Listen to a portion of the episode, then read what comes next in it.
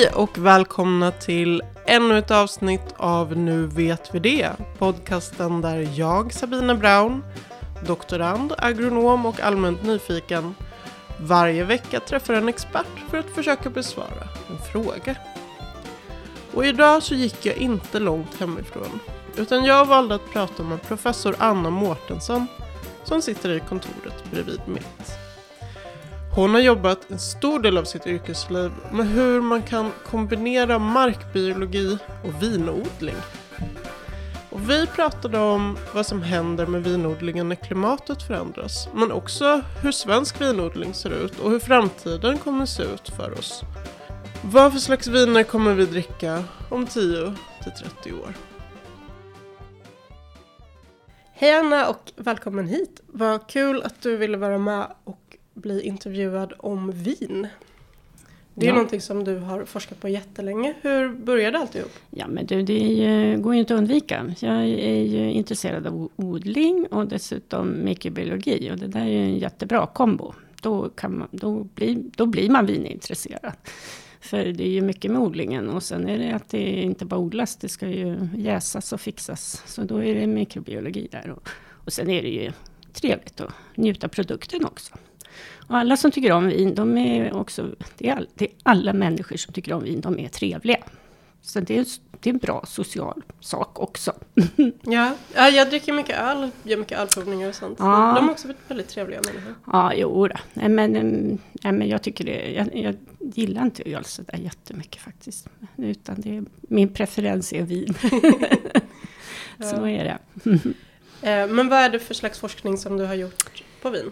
Eh, jo, vi håller ju på mycket nu, eller jag är med i ett EU-projekt som jag är lite sådär, jag, bara halkade in på det. Men vi håller på att titta på olika markåtgärder som man kan göra för att eh, restaurera eh, vad man betraktar som övergivna och misskötta vingårdar det finns en hel del sådana faktiskt. Eh, och eh, också att de här eh, ska drivas då ekologiskt. Eller ja, att det är ett, vi, vi utgår ifrån ett, liksom ett, ett ekologiskt perspektiv. När vi, ja, om man nu säger ekologisk odlingsperspektiv. Eh, så att det, vi ska till, tillföra olika typer av organiskt material till exempel för att försöka få till en bättre markmiljö som levererar näring till vinet. Okej. Okay. Um, vi ska diskutera hur klimatförändringarna påverkar uh, vinindustrin. Och mm. vad är det för hot som finns? Jo men det är ju jättespännande det här. För det är ju konstaterat att eh, temperaturen stiger. Och det är ju till exempel nere runt Medelhavet och det är ju där de stora vinproducenterna är.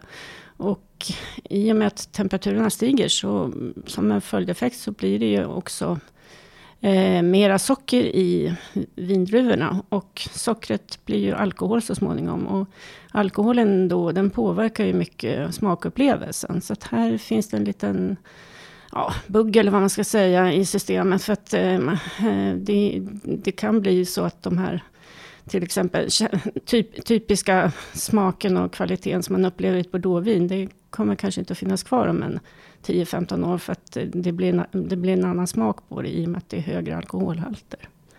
Så det är lite spännande. Mm. Finns det något sätt man kan motverka det? Ja, det, det Förutom att inte släppa ut så mycket växthusgaser? Ja, ja, det har inte jag tänkt så mycket på. Nej, det är väl... Ja, nej, man får väl flytta, flytta helt enkelt lite mer norrut. Men då har man ju blivit av med sitt, sitt liksom Bordeaux. För det är, ju liksom, det är ju lagstiftning runt vad man får kalla olika områden och så vidare. Och då får man ju inte alls lika bra priser. Nej. Så att det, det och även, jag menar, investera i en... Markpriserna är ju jättehöga i vin, vingårdar och så vidare. Så, så det här kan bli lite problematiskt. Jag kan få se det framför mig. Men det är ingenting som är uppe på bordet så mycket, utan det här är väl ett problem som just nu är ganska, inte så mycket pratas om. Nej. Ja, jag kan tänka mig att det är någonting som folk vill hålla lite tyst om. Ja, jo men visst är det det. absolut. Eh, en del av det här kan, jag tänker att en del av det här att man får högre alkoholhalter också, det kan också bero på att man numera är liksom är duktigare, eller vad man säger, och, och bedöma exakt när man ska skörda druvorna och att man har mm, liksom sätter in mera resurser så att inte skörda, skördetillfällena i sig blir så utdragna. För Eh, det, det, det, ofta är det ju bara en, en, några dagar egentligen där man har den optimala liksom, smak och sockerhalter och vatten och alltihopa. Och det har man nog blivit duktigare på att liksom pressa in. Så det kan också påverka det här. Samtidigt också att man har mycket mer temperaturreglerade eh, liksom jästankar och så vidare. Men Eh, Eh, ja, det, det, det, kan vara lite av det, men, men jag menar man kan ju inte göra så mycket åt att temperaturen höjs heller. Nej, nej och det är väl om man skulle odla bordeauxvin i längre norrut. Blir det samma vin då, om, om klimatet är samma? Nej, men det blir ju inte det. Det är, det är ju det som är problem. Eh, man har ju flera druvsorter då i Bordeaux. Och det är, man gör ju också vita, vita viner i Bordeaux. Men ehm, eh, ja, Cabernet Sauvignon, det är ju den stora druvan där. Och den odlar man ju på andra ställen. Man odlar ju den till exempel i Chile. Och där är det ju varmare och jämnare klimat. Och då får man ju en annan man får ju ett annat vin. De blir ju väldigt mycket fruktigare och inte den här strama, som jag tycker strama och lite elegantare vinerna som man får i Bordeaux. Då. Utan Chilen, det blir mer fruktigt och generöst. Så det, ja, det kommer ju att förändras. Mm. Okay, men den, det beror på klimatet eller på jordarna? Nej, det är ju klimatet till stor del. Det är det Det är ju det är ju det där att um, ska man få bra liksom, kvalitet på vinet så ska de ju, mm, tycka, då ska de, säger man ju sådär, vinet ska lida medan man odlar det. Att det ska vara lite mm, stressfaktorer för att um, det blir ju mera liksom, antioxidanter och smakämnen i dem då. Det, det, är ju som om du, om du tänker att du köper mm, kred, kryddor i affären. Eh, alltså sådana här som är odlade, som man köper på en liten sån där, ja, det är en liten kruka runt den. Det smakar ju inte så himla mycket och den har ju haft det så himla trevligt i växthuset och blivit så ompysslad. Så den har ju liksom inte utsatts för någon någonting egentligen, utan den har haft det himla bra hela tiden och det gör att den inte smakar så mycket heller. För att det är mycket av de här försvarsmekanismerna, om den hade, om den hade släppt loss lite Lite bladlöst där eller någonting, då hade du ju fått igång en serie med diverse kemiska substanser då som också hade höjt smaken på det hela. Så, så, så det ska man göra med sina krukväxter hemma då, om man har kryddor i fönstret? Ja, jo, det, och det gör man ju spontant, man glömmer ju vattna dem. Men eh, eh, som vin, om du tänker att du har vin och, och, du har, att man tänker sig att man har en landskapsbild, att man har en platt mark och så har man en kulle och, och man odlar både där nere på den här platta och där är, finns det ju mera, det är bättre vattentillgång där och inte så blåsigt heller kanske. Utan, och, och du odlar uppe på toppen av den här kullen och då är det ju problem med vattentillförsel och det blåser och hejsan hoppsan. Och det vinet blir ju mycket bättre. Så är det. ja, man lär ju få mindre av det också. Ja, det blir mindre kvantitet. Det är ju som en eh, stor kvantitet. Det blir sämre kvalitet lite generellt. Och det är det som är kul också tycker jag, odlings, sådär, eftersom jag är odlare. Jag, jag håller på att odla vete liksom, hejsan hoppsan. Det, det, blir, det blir åtta ton hur man än gör. Och det spelar inte så stor roll på kvaliteten där. Utan man kan göra mycket mer när man håller på att odla vin. Att man liksom kan reglera vad man vill ha för avkastning och så vidare. Ja men den synpunkten har jag hört från andra odlare. Som mm. har gått till mer specificerade grödor. Man kanske istället ja. för att odla bara vete så ja. odlar man brödvete med högt ja. proteininnehåll. Jo, för att få det lite mer utmaning. Jo, ja, men det, det, är ju roligare att liksom satsa sitt hjärta och göra någonting. Inte bara sitta på sofflocket och slänga ut en 100 kilo kväve och hejsan hoppsan, sen så skördar man. Mm. Eh, jag var nere i Varberg, min familj har en lägenhet där. Och där mm. gick vi förbi en liten, liten vinodling. Jaha, vid strandpromenaden. Jaha. Eh, Mm. Det var väl i augusti och Mm. det var bara små De var bara små. Knoppar, ja, det, var, nog- det kan vara som Det knappnålar. Det var också en väldigt kall sommar förra Mm. året. Men Mm. hur ser det ut för svensk vinodling? Är det någonting som... Jo, men det, det tar sig väl så sakta. Det finns ju, jag har ju själv liksom kontakter och försök i den mest nordlig, nordliga belägna vingården som är väldigt framgångsrikt. Som ligger utanför Flen. Men eh, just förra året då, det här, den del av vingården där jag har mitt försök. Det var väl kanske inte superåret om man säger som så. Det var en hel del av de plantorna som jag liksom hade valt ut för att behandla. Eh, jobba med tillväxtstimulerande mikroorganismer där. Det, gick inte, det var ju inga druvor så det gick inte att skörda. Men eh, ja, man, det finns ju ganska mycket odlare nu nere åt Österlen, Skåne. Eh, och sen finns det ju en kille som heter Musse som håller till runt Malmötrakten. Men nu är det en större odling som jag tror mycket på. Och de har fått hjälp av den här killen i Flen. Och det ligger ju där ute på Bjärehalvön någonstans. Och det där tror jag att det kan bli jättebra. De här nere i Skåne där är det väl lite sådär blandad kvalitet man säga. Eh, många som har startat i det här, va, de, har, de är som entreprenörer de, och de har varit fastighetsmäklare eller de har fått pengar på börsen eller någonting. Och sen så har de en idé om att de ska vara vinodlare, de ska gå där och mysa i sin vingård och hej och hå. Och, och det, så långt har de ju kommit, men de har liksom inte fun- funderat på vad är det för produkt de ska sälja. Liksom. Utan eh, det har ju liksom de har tappat det. Och köper man ett svenskt vin, det, man får ju hosta upp kanske 200 kronor. Och jag som är vinintresserad, jag köper ju det. Men eh, det är ju, en- eh, jag kan få ganska mycket, mycket bra viner för 200 kronor. Så att, eh, det, det, man har också ett talesätt att eh, framgången är inte gjord förrän man köper flaska två. Och det är väl lite så i det här skånska segmentet. Där att de, har, de har satsat på lite eh, udda druvsorter och så vidare. Och, och vin, ja, folk som njuter av vin och så vidare, de är väldigt konservativa. Så att de vill nog gärna köpa typ en Merlot då, som är gjord på Merlot-druvan eller en Cabernet Sauvignon eller något. Och inte, de här odlarna har gått mycket på att de ska vara mm, liksom köldtoleranta och så vidare. Och då blir det väldigt mystiska smaker ibland på det. Okej. Eh, För jag där- uppskattar mycket viner från Österrike. Ja, det jo, jag jo, kan jo. vara lite liknande. jo, men det, det här, nu snackar vi jättekonstiga sorter. Alltså.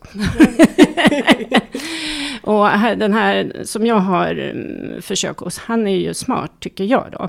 För han har liksom tänkt till om det här med klimatet och att vi har ju ett taskigt klimat här och så vidare. Och det finns ju något som heter isvin då som man gör och då skördar man ju druvorna egentligen i januari eller någonting. Och då ser de ju för räliga ut. För då hänger de ju på mm, vinstockarna. Och det ser ju inte ut som man skulle vilja äta dem riktigt. Och de har skrumpnat ihop. Det blir ju lite som russin nästan. Eh, och då skördar han det då. Och sen jäser han och har sig med det där. Och i och med att de har skrumpnat ihop och så vidare så blir det ju restsocker kvar då. För att jäst, jästen jäser ju upp det hela upp till en 12 procent alkohol eller någonting. Sen klarar ju inte jästen mer, utan då har du kvarstående socker i vinet. Så det- man får ju som ett sött dessertvin och det är väldigt, väldigt aromatiskt och jättegott. Jag har druckit cider som man har gjort på det viset. Ja, jo, men det, det kan jag var tänka mig. fantastiskt gott. Och han, har, det är ju, han odlar ju eh, kanske tre hektar ungefär. Och det är en kanadensisk sort igen som heter Seival Blanc. Och han har ju 10 procent av världsproduktionen på de här tre hektaren. Och en flaska 33 centiliter den går ju loss på 900 kronor. Så att det, det är ju inte, man behöver, ja det gäller ju att hitta sin nisch. Och det där, jag menar, och han skulle ju kunna marknadsföra sig som världens nordligaste vinproducent eller någonting. Men det gör han inte, utan han satsar liksom på att det här är en bra kvalitet, punkt slut. Ja men det är så man får återvändande kunder. Precis. Det måste smaka mm, gott. I slutändan ja. är ju det som är viktigt. Det kan vara Ja, hur spännande och mm. spexigt som helst men det ska också vara Ja, gott. nej, så det, det är fascinerande ställe tycker jag då. Eh, och jag tycker väl kanske att de här andra skulle ha funderat lite mer och kanske också tänkt på det här med att de skulle kunna göra isvin. Och med tanke på vad jag tidigare sa om det här med att mm, det blir varmare och varmare nere i Sydeuropa så har vi ju kanske också större förutsättningar för att ja, expandera vår vinodling här i Sverige. Men nu har vi något EU-beslut så vi får egentligen, och jag tror inte att det är någon superkoll på det, men vi, enligt EU så får vi bara odla kommersiellt på 100 hektar. Så det är ju ingenting egentligen. Jaha. Eh, och det beror ju på att vi har, det är ju en överproduktion i Europa totalt. Då, egentligen. Man har, en hel del vin går ju egentligen, gör man ju sprit för fordonsbränsle eller någonting. Att, Oh, wow. ja, så är det. Vilken oerhörd omväg. så Ja, mycket jobb visst. för att Mm, visst. tanka bilen. Mm. Eh, så, så är det ju lite grann. Mm. Jag funderade också på att vi har ett väldigt speciellt klimat i Sverige. Det är väldigt långa dagar. Jag vet att i Norrland så får man ju väldigt god alltså bär och frukt Jo, men och det är ju det som är grejen här också. Att just under höstarna och att det är det här långvågiga ljuset som gör att det blir ju väldigt aromatiskt. Det är ju likadant med äpplen och så vidare. Att, eh, och även just det här att det är under hösten att det är mm, varm, varma dagar, kalla nätter. Det triggar igång smakerna. Så det, det, är, det är smart. Alltså. Vi har ett stressigt klimat för Ja, växter. precis. Ja, men det är bra. Eh, och ja, det, ja, det är ju ingen som egentligen har tittat på det här, så det finns inte så mycket publikationer. Men det, det, är, nog, det är ju en forskargrupp som har jobbat med svarta vinbär i Finland. Och de har just tittat lite på innehåll av diverse alkaloider och så vidare. Och de hade, har också haft med liksom, temperaturmätningar. Och, och man ser att just höga, stora dygnsvariationer leder till högre halter. Fast det, har de inte upptäckt själva i sin uppsats, men det har jag gjort. För, för de hade fokus på någonting annat. Så det var lite konstigt. Men sitter man och tittar på figurerna så ser man det här mönstret också. Mhm. Mm, Ja. så kan det vara. Mm. Ehm, sen tänkte jag ta upp det här med eh, terroir. Vin, vinkännare hävdar att man kan känna på vinet var det har växt och att det spelar väldigt stor roll på slutprodukten. Ja, alltså det här terroirbegreppet är ju, det är ju ganska, börjar man liksom vända på det så är det ganska komplicerat. Eh, och jag, som jag just, jag gav ju ett exempel här att eh, precis om man har en, en, dal, en dal och en topp där och det, är ju, det kan ju vara någon kilometer emellan det här så, så kan det ju bli väldigt olika viner. Och då hävdar man ju det, i det här terror, det är ju, det är ju marken och det är liksom eh, temperaturen och ja, topografin i största allmänhet. Om det är byar bredvid eller om det är skog eller hur det ser ut. Eh, så det, det är lite luddigt det där terrorbegreppet, tycker jag. Då. Eh, så jag, eh, samtidigt då, då så kan man ju som vinmakare då, då göra enormt mycket genom att använda olika typer av gäst, jäststammar vid till, liksom själva jäsningen.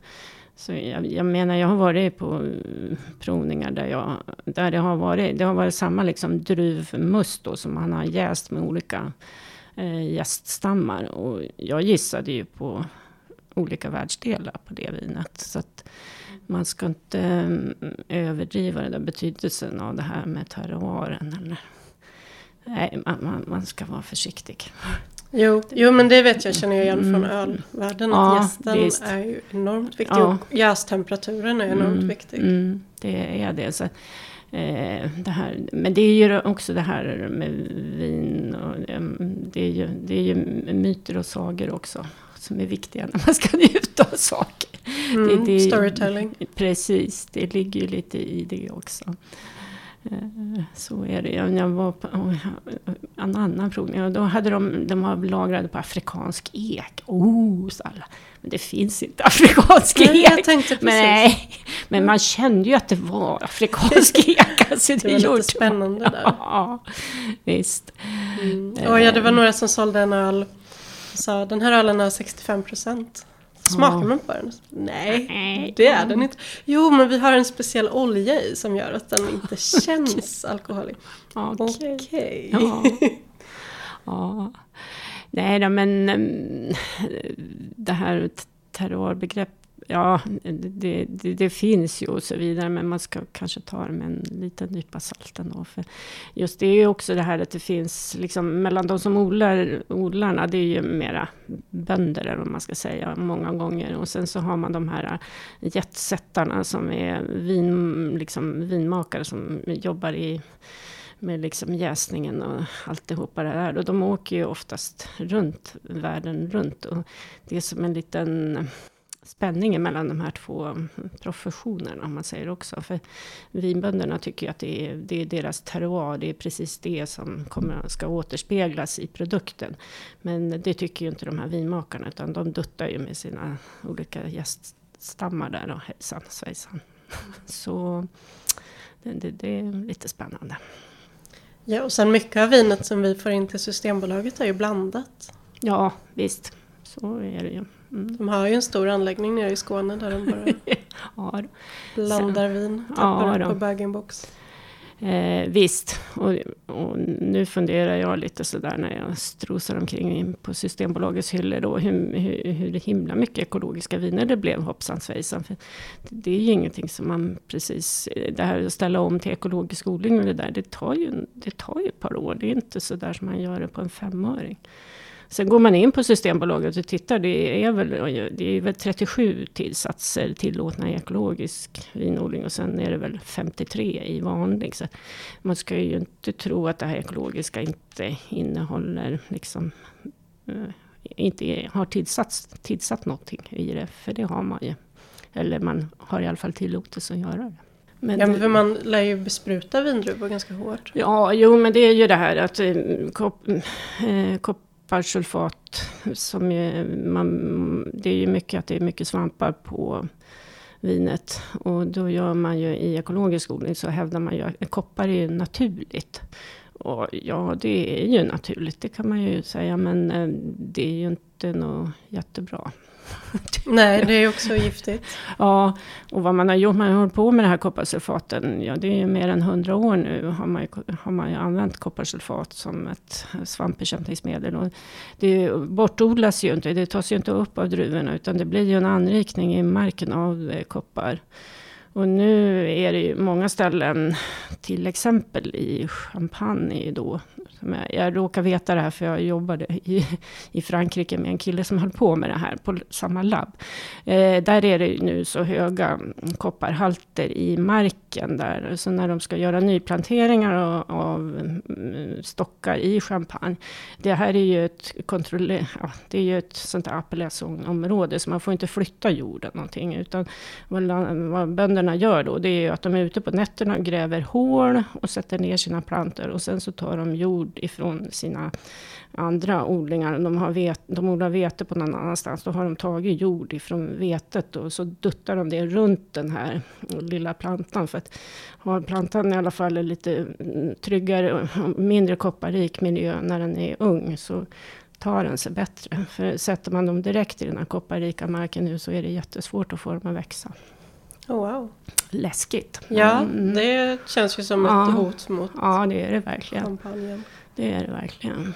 Så att, ehm, men det hela är ju, bottnar man kan ju tänka, vi har ju odlat vin 6-7 tusen år här i Europa. Och hallå, varför är det så mycket att vi måste hålla på med bekämpningar nu?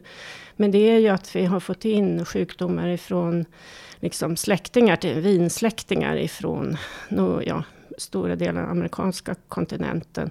Där de, de vinsläktingar som har utvecklats där, de, är ju, de har ju utvecklat motstånd mot de här många sjukdomarna. Men sen har vi ju kört med båtar och kört över, så vi har ju fått in de här alla svamparna hit till Europa. Och det är det som är problemet.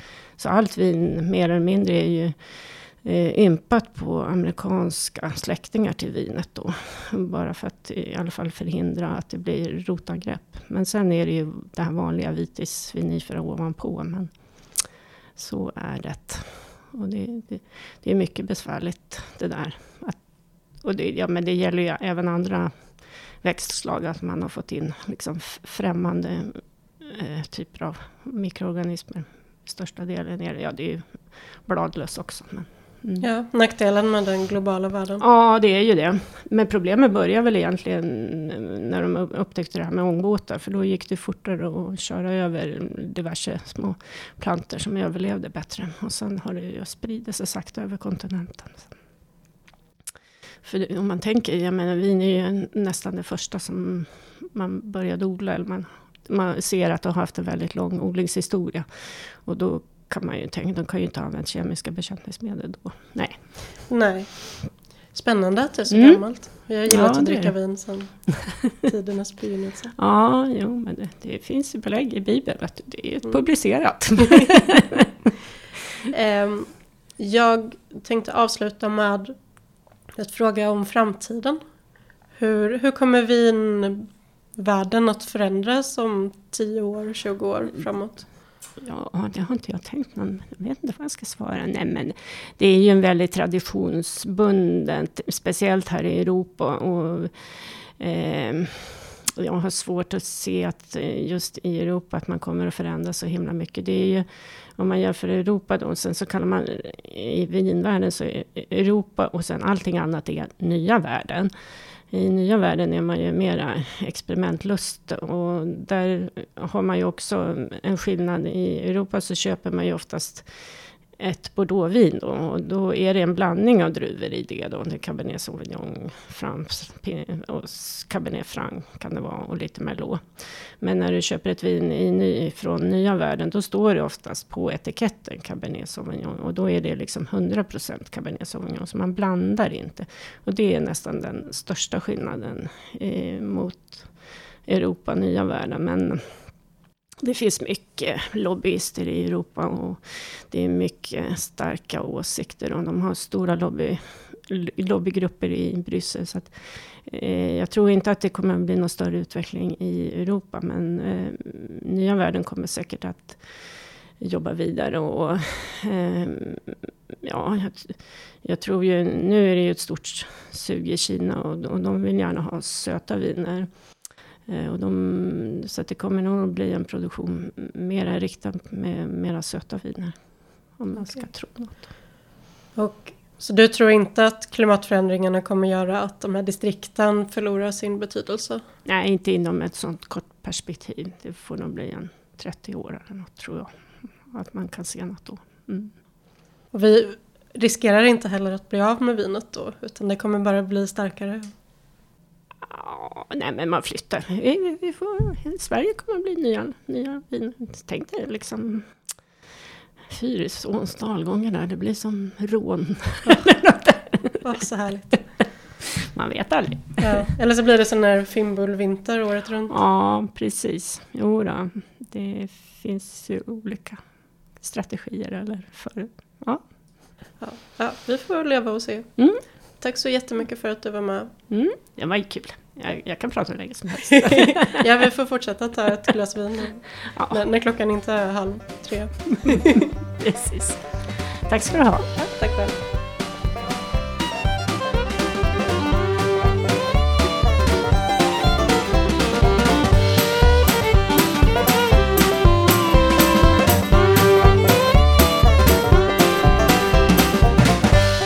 Du har lyssnat på Nu vet för det, en podcast med mig Sabina Brown och i dagens avsnitt professor Anna Mårtensson.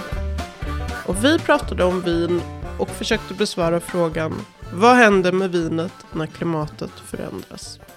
Och nu vet vi det. Har du någonting du skulle vilja veta eller har du synpunkter på dagens avsnitt? Maila till nuvetvidde gmail.com eller skriv på vår Facebook-sida Nu vet vi det. Gillar du det här programmet så dela med dina vänner och bekanta. Det här är något jag gör helt ideellt och jag skulle verkligen uppskatta om du valde att betygsätta på iTunes och att tipsa alla du känner. Tack för mig, vi hörs nästa vecka.